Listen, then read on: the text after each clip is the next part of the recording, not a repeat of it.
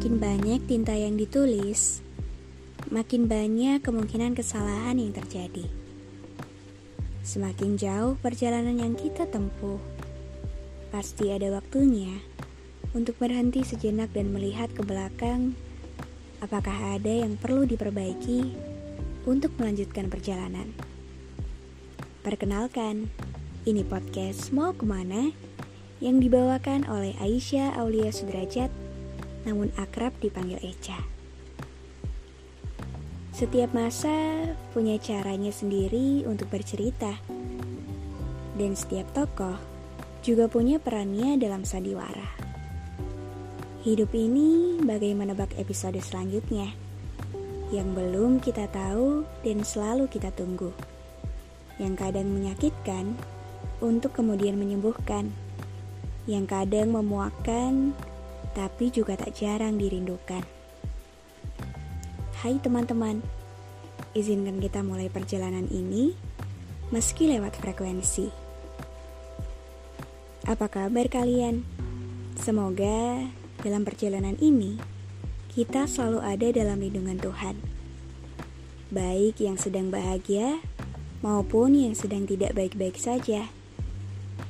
Tidak apa-apa, rasa senang butuh waktu istirahat untuk besok menemani harimu kembali. Oh ya, pernah gak sih kalian bertanya, sebenarnya perjalanan hidup ini akan membawa kita ke mana dan menjadikan kita seperti apa? Hidup memang penuh misteri ya, tapi jangan berhenti berproses untuk mempersiapkan diri. Sebenarnya pesan ini juga kutulis buatku sendiri.